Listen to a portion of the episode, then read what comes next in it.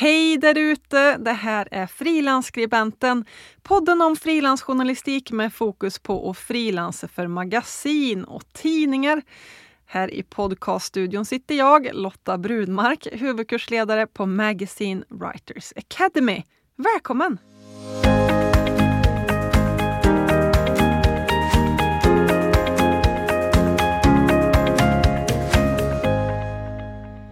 Ja, du vet vad du vill skriva om, du har intervjuer inbokade och snart är det dags att sätta sig ner framför datorn och skriva. Men hur lägger man upp sin artikel? Strukturen, hur gör man? Ja, idag i Frilansskribenten ska vi prata om hur du skriver din artikel. Först och främst så måste du tänka målgrupp. Vem skriver du för? Är det kvinnor i 25 till 35 årsåldern? Är det teknikintresserade ungdomar kanske? Ekonomiexperter i 50-årsåldern? Är det hästfolk i alla möjliga åldrar? Ja, du måste tänka på vem som ska läsa det här. För det är då som du kommer på vilket magasin eller vilken tidning du ska pitcha din artikel till, alltså sälja in. Vi kan ta ett exempel. Här har jag Sköna Hem. Bläddrar i den, kollar lite hur artiklarna ser ut. För vill du sälja till det här inredningsmagasinet här, ja då får du ju först och främst avkoda deras koncept. Alltså vad för sorts artiklar finns i Sköna Hem då till exempel. Hur ser de ut? Kan du hitta något mönster i deras eh, ingresser, texter, artikelupplägg? Va, vad kan du se för saker om du jämför artiklarna i den här tidningen? Studera noggrant är mitt råd. En artikel börjar alltid med en rubrik, det vet du nog.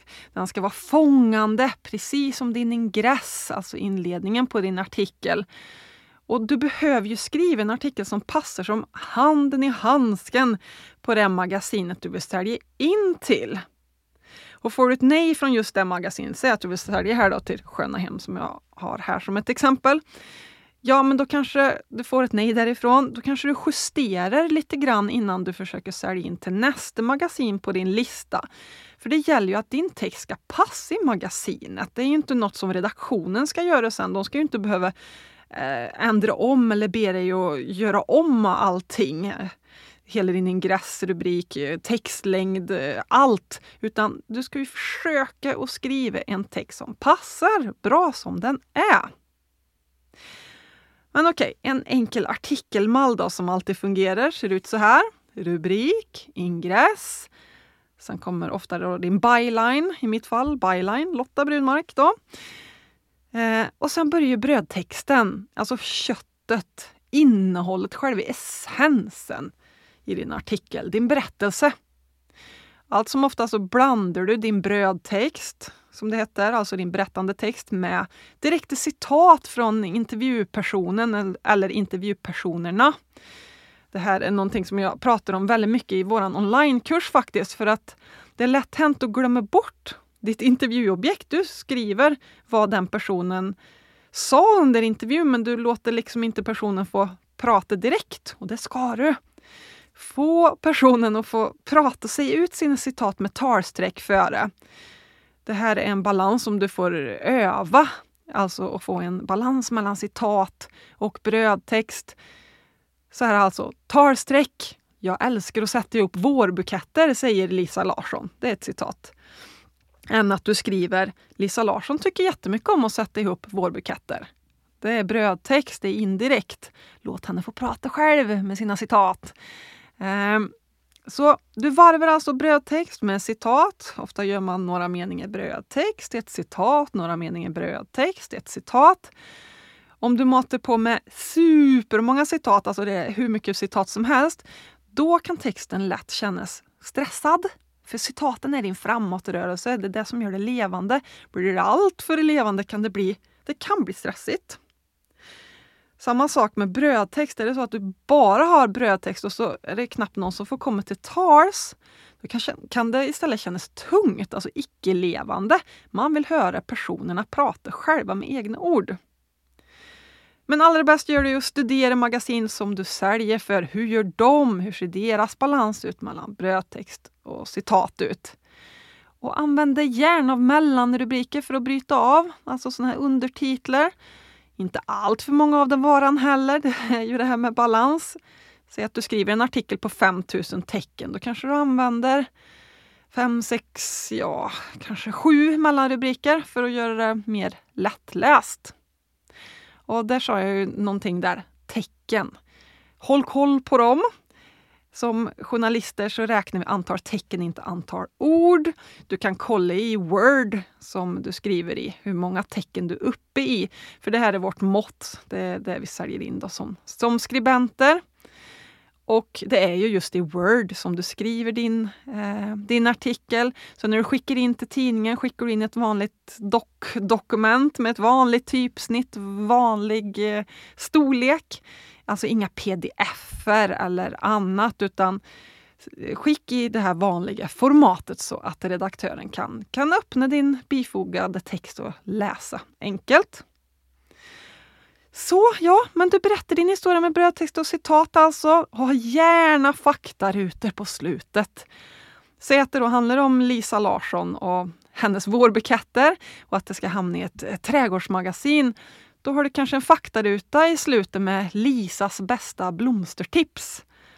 Och för att mm, kanske ha ännu mer att sälja till magasinet då, alltså du har lagt ner det ännu mer, har du en bonusruta, en, ytterligare en faktaruta då. Myterna om beskärning, så snittar du vårblommorna rätt. För magasinen, de älskar nämligen väldigt ofta i alla fall, när du skickar med faktarutor. Du, du ger något extra alltså. Koll gärna i, i magasinen hur de jobbar med faktarutor. Eh, så får du en idé. Och jag avrundar dagens Frilansskribenten genom att understryka än en gång, håll koll på antalet tecken så att du inte skriver 15 000 tecken när magasinet nästan alltid har artiklar på max 7 000 tecken. Räkna, kolla hur många tecken, nu behöver du inte sitta och räkna varenda tecken i ett magasin, men koll till exempel första meningen på en sida i magasinet och så gångrar du det eh, med antalet rader. Ja, du kan göra en snabb lätt uträkning ungefär hur många tecken verkar det vara här på en sida. Eh, så research ditt magasin alltså.